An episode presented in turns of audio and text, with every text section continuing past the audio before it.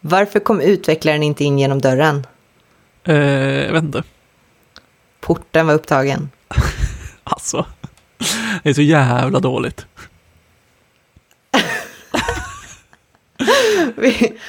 Men i alla fall, hej och välkomna till ASDF. Nu är vi här igen. Ja, det är vi. Eh, ytterligare ett avsnitt där vi... Eh, ämnet är lite luddigt, som vi kanske hade. Kom på det för en fem minuter sedan sådär. Men någonting om att, alltså så här, det är ju ganska mycket press i vår bransch att liksom vara relevant. Vi pratade lite grann om det förra veckan. Mm. Ja, alltså det var väl just den här, är webbutveckling för komplicerat? Ja, nej, kanske inte. Det beror på vart vi nu landar i det. Men det är ju den ständigt återkommande frågan. Hur stressigt är det att vara relevant? Att stanna relevant i en sån föränderlig bransch liksom. Ja, men exakt, för det är ju som sagt det är en ganska innovativ bransch som vi var inne på förra veckan, eller för, för två veckor sedan. Och det är ju, eh, det blir ju på något sätt liksom, liksom någon typ av implicit press, eller liksom så här, att man ska liksom lära sig alla nya saker. Fast det kanske inte är så i verkligheten, att man måste lära sig alla nya saker för att vara relevant som utvecklare. Liksom. Nej, men jag undrar lite vart det där kommer ifrån egentligen. För det är ganska intressant för att när innan jag började jobba med det här så kände jag mig jättestressad över att jag behövde kunna allting. Liksom. För att också alla jobbannonser som man läste, de radade ju upp liksom hur många tekniker som helst. Och det var ju alltid så här, okej, okay, kan jag checka av alla de här teknikerna? Nej, det kan jag inte. Jag måste lära mig dem. Hur ska jag ha tid att lära mig dem? Hur ska jag förstå dem? Så att redan där tror jag att jag började pressa mig själv till, eller ja, stressa upp mig själv helt enkelt till att hur ska jag ens klara det här? Ja, nej, exakt. För det, men det känns också som att det, alltså så här, både att det drivs på liksom, jobbannonser och sånt där, men också kanske att det drivs på av liksom Eh, den här lilla klicken av människor som vi har pratat om tidigare, som här ingår i, de som liksom pratar om ny teknik och de som pratar om nya saker, skriver bloggposter och eh, pratar på konferenser och liksom allting sånt. Det är väldigt sällan man ser någon stå på en konferens och prata om ja, vi har kört det här gamla ramverket och det funkar skitbra. Ja, så är det ju. Men det blir ju liksom det blir som en hel, att vi alla driver på varann också. För att om en blir stressad över det, och pratar om det eller försöker lära sig det, så lägger ju det också kanske en nivå för alla runt omkring. Ja, men exakt. Så, så att det blir som att, okej, okay, om, om du börjar prata om det här, det här nya coola ramverket, tänker jag, det här har jag inte läst på, jag måste läsa på om det, och så, så ramlar det bara vidare till nästa, nästa, nästa. Det är ju inget så här, det är ju inte så att personer inte får prata om nya coola saker eller innovera, men det sätter ju kanske en nivå Ja, nej men absolut. Och tittar man liksom på våra eh, roller som konsult så tror jag också att det påverkar ganska mycket att folk liksom känner att oj, jag hamnade på ett uppdrag där vi kör gammal teknik. Och att mm. man känner att oj, då kommer jag bli liksom irrelevant som, eh, liksom i konsultrollen. Mer än att liksom som personligt liksom utveckling, utan mer så här oj, jag måste liksom se till att jobba med ny teknik hela tiden för att kunna eh, sälja in till nästa uppdrag typ. Ja. Men Känner du någonsin en press i att du inte är relevant? Nej. Men det är ju, jag tror att det kommer mycket av att jag har liksom det här, eh, alltså programmering som en hobby också, eh, vilket gör att liksom intresset finns där. Jag läser ganska mycket bloggposter, jag läser ganska mycket, eh, eller kollar på ganska mycket videos, jag liksom följer med det som händer i communityt ganska mycket. Och jag tror att det i sig gör att jag är ganska trygg i så här, ja men jag vet ungefär vad jag jobbar med. Sen är det klart att jag kanske föredrar att jobba med nyare teknik. Men det är oftast för att jag tycker att nyare teknik är ny, alltså ny teknik av en anledning. Alltså så här, jag tycker att det är roligare att jobba med, inte bara för att det är nytt, utan för att det löser ett problem på ett bättre sätt än vad det tidigare gjort. Och eh, inte bara för att, åh, jag måste sitta med det nyaste, nyaste, utan jag vet liksom att ja, men jag sitter med React idag och jag har liksom ingen panik att oj, om några år så är React borta och jag måste liksom helt eh, plötsligt sluta jobba med det. Alltså tittar man på liksom det projektet jag sitter på nu eller hos kunden jag sitter på nu så är liksom hälften av det jag gör är liksom jättegammal React från fem år sedan, typ. Eh, och jag har sett det mer som är liksom, eh, ett tillfälle att lära mig saker, för jag har inte suttit med kanske med exakt så gammal React, eller en så stor applikation i så gammal React tidigare. Och då får man liksom en möjlighet istället att lära sig av hur man gjorde det förr, för att få lite perspektiv på varför man gör saker idag. Liksom. Ja, nej, men där är ju vi som eh, oväntat kanske inte annorlunda från varandra så. Vilken konstig mening. Eh, det jag menar är att det kanske inte är helt oväntat att vi inte tänker likadant i frågan. Nej, precis. För om jag skulle eh, ställa frågan till dig, känner du någonsin eh, pressen att vara relevant så att säga? Ja, alltid. Men mindre och mindre ju längre tiden går. Tror du att det är för att du, alltså att det kommer per automatik med erfarenhet? Eller är det mer så här att man måste aktivt skifta liksom inställningen åt det hållet? Jag tror det är kanske mycket erfarenhetsmässigt, eller så har jag bara blivit lat. Jag vet inte riktigt. Um, jag tror mycket erfarenhet. Jag tror att jag ändå har... Det har bara rullat på och jag har lärt mig att det löser sig. Mm. Så. Um, det finns ju fortfarande en press att vara relevant för att jag har ju till exempel inte koll på hur view funkar, hur Svält funkar. Jag har till och med glömt bort hur Angular funkar. Jag har inte koll på alla de senaste grejerna. Jag har inte ens, märker jag, koll på den senaste reacten och de grejerna. Men jag märker också att om jag lär mig allt det senaste nyaste. Jag, gör, jag, jag, kollar liksom videos på när de släpper det. Jag gör tutorials och sådana grejer. Jag märker att det försvinner jätte, jättefort ur mitt huvud när jag inte använder det. Mm. Så att React som jag har jobbat med under många, många år. Eh, många, många år. Här är en disclaimer också, att jag poddar för första gången på vin och det här kommer aldrig sluta bra. 50-60 år har du jobbat med React nu. 50-60 år. Vi eftersöker utvecklare som jobbat 70 år med React. Nej, men liksom att jag lär mig nya saker om jag inte implementerar det eller använder det live så försvinner det ganska fort i mitt huvud. Även om jag använt det en gång och sen inte använt det på väldigt länge så försvinner det. Så att jag måste nästan alltid typ googla på vad jag vill göra, läsa igenom det lite och liksom färska upp minnet om jag ska faktiskt förstå vad som händer. Så att jag vill så här, jag kanske bara har gett upp och insett att min hjärna vill inte lära sig det här på lång sikt så att jag har bara slutat försöka. Ja, jag tycker det är intressant det där, för, för min del, när du pratar nu så sitter jag liksom och inser lite grann för mig själv att jag tror att mm, för mig så handlar det nog mycket om att jag har liksom också en grundtrygghet i att jag vet att när, om dagen kommer att jag behöver lära mig ett nytt ramverk eller en ny grej, liksom, så vet jag att jag kan det. Mm. Jag har liksom den tryggheten att okej, okay, skulle jag behöva byta nu och hamna på ett view-uppdrag, då skulle jag klara av det. Eller jag skulle sitta med svält eller något annat, eller jag skulle hamna i backend, eller alltså så här oavsett vad som kastas mitt håll så tror jag att jag har liksom en trygghet att okej, okay, men det löser sig. Eh, precis som du säger, mm. att det, det, kommer liksom inte vara någon fara. Så jag behöver inte kunna allting exakt just nu, utan det handlar mer om att liksom veta av att man klarar av det senare. Liksom. Ja, det finns ju, för mig finns det väl en andra del i det där. En andra del i det där också, det är väl lite det som, dels erfarenhetsgrejen, ja jag har lärt mig att det löser sig, men det jag tror ändå att jag har fått träna lite på är att inte panika över att jag inte förstår. Mm. För det har jag nog gjort mycket tidigare. Jag är, så här, jag är också en person som är väldigt dålig på att dela upp saker. Så om jag ser en jättestor textmassa, som jag brukar kalla det, över någonting. eh, så har jag väldigt svårt att bryta upp det och så blir jag väldigt stressad över att jag inte kan ta in hela biten kodmassa samtidigt. Eh, så det har jag nog fått lära mig att bara, men det är inget problem, det är okej. Okay.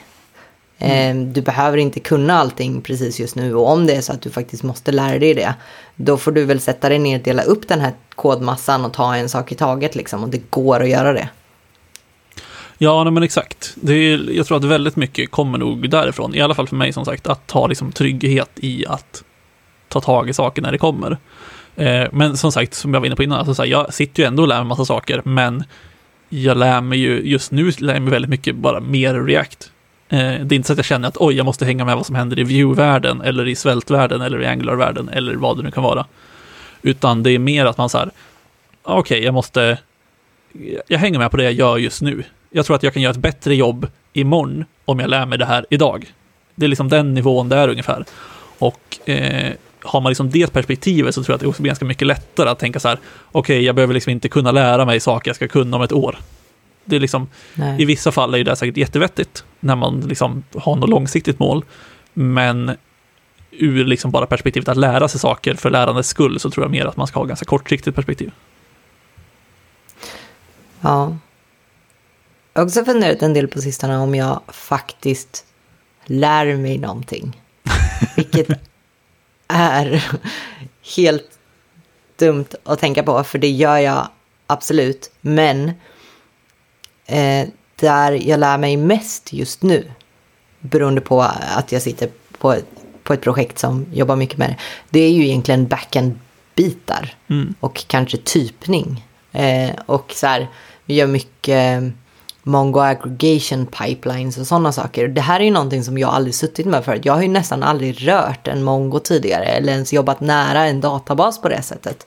Och helt plötsligt så sitter jag mitt i det här, bygger egna aggregation pipelines där jag försöker så här, hämta ut data, projicera bort, lägga till fält och sådana saker. Vilket jag har lärt mig så sjukt mycket på. Jag sitter också i event sourcing som jag aldrig har liksom rört förut det mönstret överhuvudtaget. Och jag kan ju inte säga att jag har en fullfjädrad liksom runt 360 förståelse för vad jag håller på med. Men jag har ju lärt mig massor hela tiden. Däremot så har jag kanske inte lärt mig supermycket i just mitt spetsområde, om vi ska kalla det så. Så att på något sätt så då tycker jag att jag inte lär mig någonting, vilket är ganska idiotiskt också. Ja, exakt, för det handlar ju väldigt mycket om att man, alltså, även om man inte tänker på saker så utvecklas man förmodligen extremt mycket och lär sig extremt mycket eh, oftast, fast man liksom inte aktivt tänker att nu ska jag lära mig det här. Utan jag tänker att det mesta lärandet sker ju liksom att eh, ja, men vi sitter och jobbar med någonting och så dyker det upp ett problem och så ska man lösa problemet bara. Och då eh, helt enkelt ta tag liksom, i att försöka hitta en lösning ger lärandet i sig, så att säga. Mm. Men är det liksom... Är det bra att vara stressad över att vara relevant? Tänker vi. Tänker du? Nej, det tror jag inte. Eh, nej men jag, jag, tror att det är ett, ett, problem hela vår bransch har, att det är så... Eh, att liksom den bilden som finns är att man behöver lära sig saker på fritid till exempel. Eh, för det är ju en helt idiotisk eh, grej att kräva folk. Alltså det, det, det, ska inte, det ska inte finnas något jobb i hela världen där du ska behöva lära dig saker på fritiden för att kunna jobba med det du gör. Liksom. Alltså du ska inte behöva lägga liksom, personlig tid för att hålla dig liksom, ajour med nya saker. Nej. Och liksom, om jag här, ska utveckla lite mer så handlar det väl egentligen mycket om att bolag är kanske dåliga på kompetensutveckling. Eh, Alltså att bolag idag är ganska dåliga på att erbjuda liksom utveckling så att man kan lära sig saker som man behöver lära sig. Utan det blir ofta att man liksom, vår bransch har liksom hamnat i något, liksom, på något ställe där vi eh, erbjuder så oerhört mycket kunskap gratis, som i bloggposter och videos och liksom meetups och konferenser och allt möjligt vad det kan vara.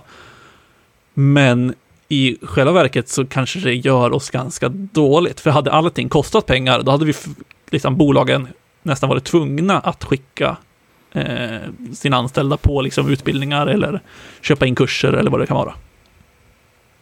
Ja. Det där är lite intressant ändå att du säger det, för, att, för, jag, för vi har ju jättemycket kunskap gratis överallt, mm. hela tiden. Och det tror jag att mycket till att jag inte tar in det, det är att jag tror att jag blir bara överväldigad. Eh, jag har ju ett liv där jag är så här, okej, okay, den här tabben ska jag öppen med den här bloggposten för jag tänker läsa den vid något tillfälle. Och så gör jag så med en miljard tabbar. och så läser jag dem inte. Och sen till slut kraschar Chrome. Ja. så att allting stängs. Och så har det lite löst, löst sig av sig själv, men jag har fortfarande inte läst någonting. Liksom. Men jag tror att, och det märker jag kanske ganska tydligt i år, för att sen, sen jag började jobba med det här, så har jag ändå haft turen att typ varje år tror jag fått gå på en konferens.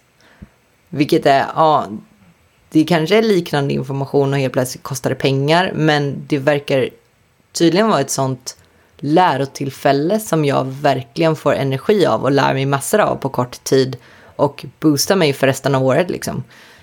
Jag brukar känna att det ofta ändå är tillräckligt för att lägga en grund för mig att fortsätta vara relevant, tror jag. Mm. Men tror du det handlar mest om eh, liksom innehållet på konferensen, eller är det mer liksom energin du får av att eh, besöka konferensen och träffa folk och känna liksom stämningen? Eller, liksom så här, eller är det just att folk håller presentationer som du känner, oj, nu har jag snappat upp det här från den här presentationen?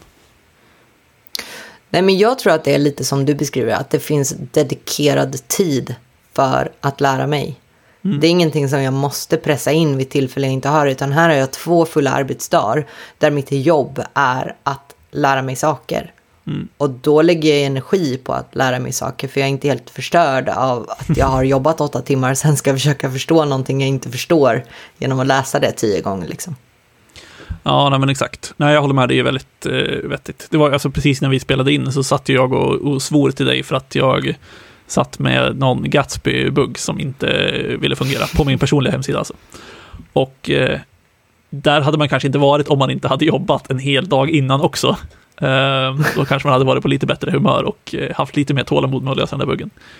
Så att jag tror att det, jag tror också att, som du säger, det betyder oerhört mycket att faktiskt få liksom dedikerad arbetstid att lära sig saker eh, jämfört med att liksom försöka uppmuntra folk att göra det på sin fritid. Liksom. Ja, för att alltså jag tror att vi är så mycket mera, jag vill inte säga dumma, men jag tror vi är dummare än vad vi tror att vi är. För det blir så tydligt att så här, jag tänker att klockan är tio på kvällen på en fredagkväll, jag jobbar mot en deadline, jag fortsätter koda, det är klart jag kan tänka fortfarande. Och så mm. sitter jag där så gör jag någon helt idiotisk lösning som jag på måndag morgon inser att så här, det här var ju dumt. Här hade jag kunnat spara in tre timmar. Jag kan ju fortfarande hoppas att de tre timmarna som jag la på fredagskvällen la grunden för min bra lösning på måndag morgon. Men det är ju också så att kroppen och hjärnan hänger inte med efter ett tag och vi pressar dem till det yttersta liksom.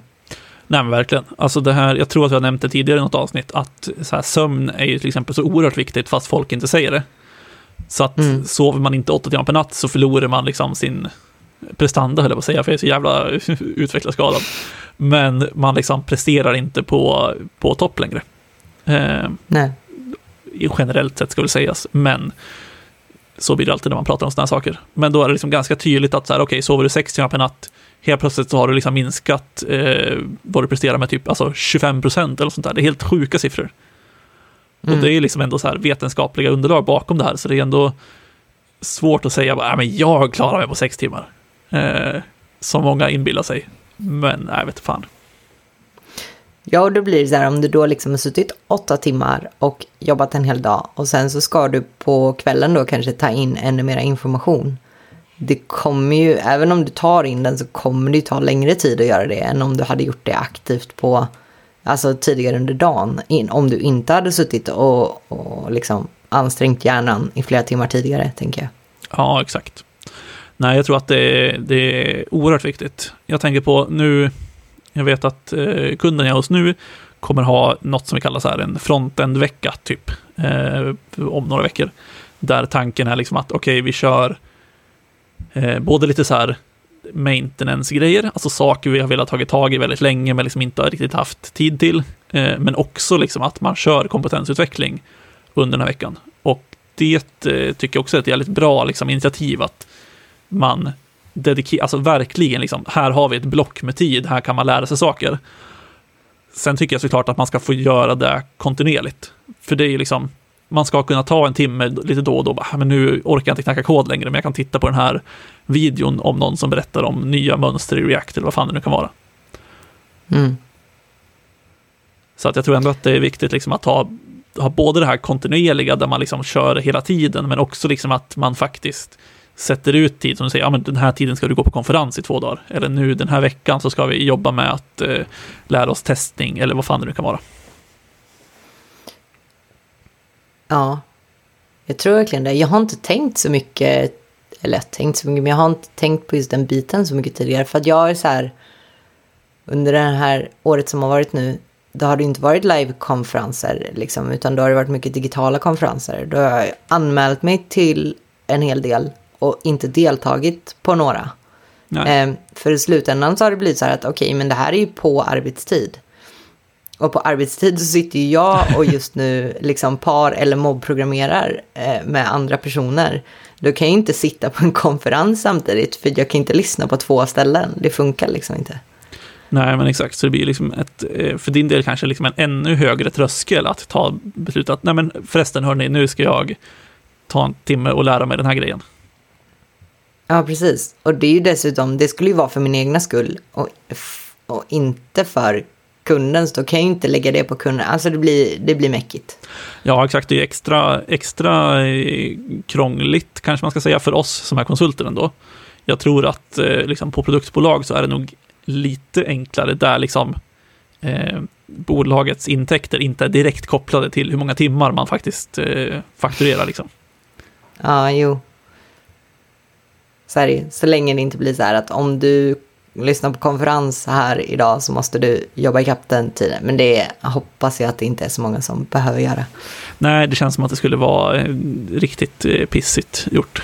Eh, rakt ut att om man skulle ha det liksom på det sättet att man ska behöva jobba ikapp tid som man eh, lär sig saker på. Liksom. Ja. Men om man skulle fundera på, alltså för som vi har sagt, vi är väldigt olika där.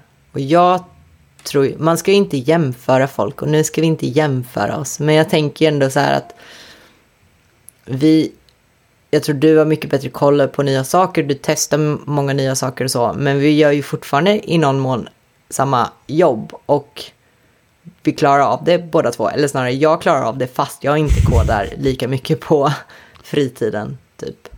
Ja, men jag tycker, jag, jag är ju väldigt stark eh, förespråkare för att liksom det, det du gör ska ju vara det normala. Alltså det vill säga att inte lägga massa timmar på att bygga en jävla Gatsby-hemsida som inte funkar. Nu kommer irritationen fram igen. Uh, nej, men liksom det ska vara det normala, att man inte lägger sin fritid på att programmera. Jag, jag tycker liksom inte du... ens, det ska inte ens vara en fråga på intervjuer. Om du inte har liksom själv valt att ta in dig i ditt CV och skriva så här, jag brukar jobba med hobbyprojekt på fritiden, då tycker jag inte ens att man ska uh, få den frågan på en intervju. Nej, du är ju väldigt mycket do as I say and not as I do. ja, det är extremt mycket. Extremt mycket så är jag. ja. Alltså jag håller ju med dig, men jag har ju också hela tiden någon inre osäkerhet som talar för att det känns som att jag borde koda mer på fritiden. Speciellt när diskussionerna går kring det och skämt liksom. Så här, Va, har du inte datorn med dig? Hur ska du då kunna koda? Jag är, så här, jag är helt fine med att lägga fyra veckor semester på att inte koda. Det är inte konstigt för mig liksom. Nej. Um, Nej och det borde inte vara konstigt för någon. Alltså det är väl nej. det som är grejen. Eh, det är samma sak, vi har ju en, eh, på vårt konsultbolag så har vi en kanal som heter Passion Projects. Eh, där jag brukar posta mina liksom, kodningsprojekt ibland. Och jag har insett att jag tycker det är så jävla uppfriskande att folk även postar typ att ja men nu har jag odlat lite tomater. Mm. Alltså att det liksom bryter av, att man vill inte att liksom det, det, bara ska vara en kanal där folk postar att ja, men jag har kodat på fritiden, det här är det jag gör. Utan folk är ju liksom mer än koden de producerar. Alltså folk är ju mer än programmerare. Så jag är så jävla glad för folk som liksom gör andra saker, som till exempel som att odla tomater. Och mm. Eh, liksom gör att det blir lite mer liksom mångfald i hobbys bland utvecklare. Ja. Men det är ändå någonting härligt med just utvecklare. Man ser att så, oavsett vad det är för passion project så ska de gå jävla helhjärtat in i det. Det finns inga så här halvdana. Nej, men det, det, är ju, om man ska generalisera så är vi ju en, en hög med nördar så att säga. Eh, så att oavsett om man nördar ner i kod eller i tomater så, så blir det ju ofta väldigt djupt. Ja, allt eller inget liksom. Ja, exakt. Ja, jag tycker det här är, jag tycker det är superintressant. Jag tror att det är viktigt egentligen att eh, vi pratar om det, höll jag på att säga, men det lät så jävla högtravande. Men, men jag tror att det är ändå viktigt att man poängterar att det här är liksom inte så som branschen är. För det är ju som vi har sagt tidigare, flera gånger nu tror jag, att majoriteten kodar inte på fritiden. Nej, det är ju, alltså jag tycker det är väldigt svårt i just den här förebildsgrejen eller man har, alltså för att jag vill aldrig någonsin säga att så här, ah, det är inte bra om personer är jätteinnovativa eller kodar bla bla bla bla, för det är det ju. Det är de som jag sagt tidigare som för liksom branschen, tekniken, innovationen framåt. Men det går inte heller kanske att sticka under stol med att om det finns en person som ja, men till exempel så kanske har en ledande position in, inom en grupp som jobbar alla tider på dygnet och, och, skriver om saker alla tider på dygnet och provar nya saker hela tiden och är verkligen jättebra på det hen gör så kommer ju det påverka liksom. Det är ju fortfarande, man vill ju inte stoppa någon att vara det, men det har ju fortfarande en effekt på resten. Jag är väldigt kluven till den typen av dynamik. Ja, jag tror att det handlar om egentligen att man måste liksom på något sätt eh bekräfta den situationen. Alltså, eh, helst kanske att personen som gör det eh, är den som bekräftar det. Alltså säger så här, hörni, jag eh, har gjort det här igår, alltså om det är sitt team eller vad det nu kan vara, men att man säger, jag har gjort det här igår, men eh, jag hade bara lite tid över. Och att man påminner ibland om att så här, ta den förebildsrollen och säger, kom ihåg att ni inte behöver göra det här, det är bara för att jag tycker det är kul. Eh, sen vet jag inte hur mycket det hjälper i längden, men ja, Ja, men det är lite intressant. Jag har absolut ingen lösning på det här, men det är lite som när föräldrarna säger att du ska inte röka, men röker själva. ja, så är det absolut. Så är det absolut. Ja, men ja det, det, som, som sagt, jag tror att vi får det på till do as I say, not as I do. men, men det, är en, det är ett motto man ska, alla andra förutom jag ska följa. Ja.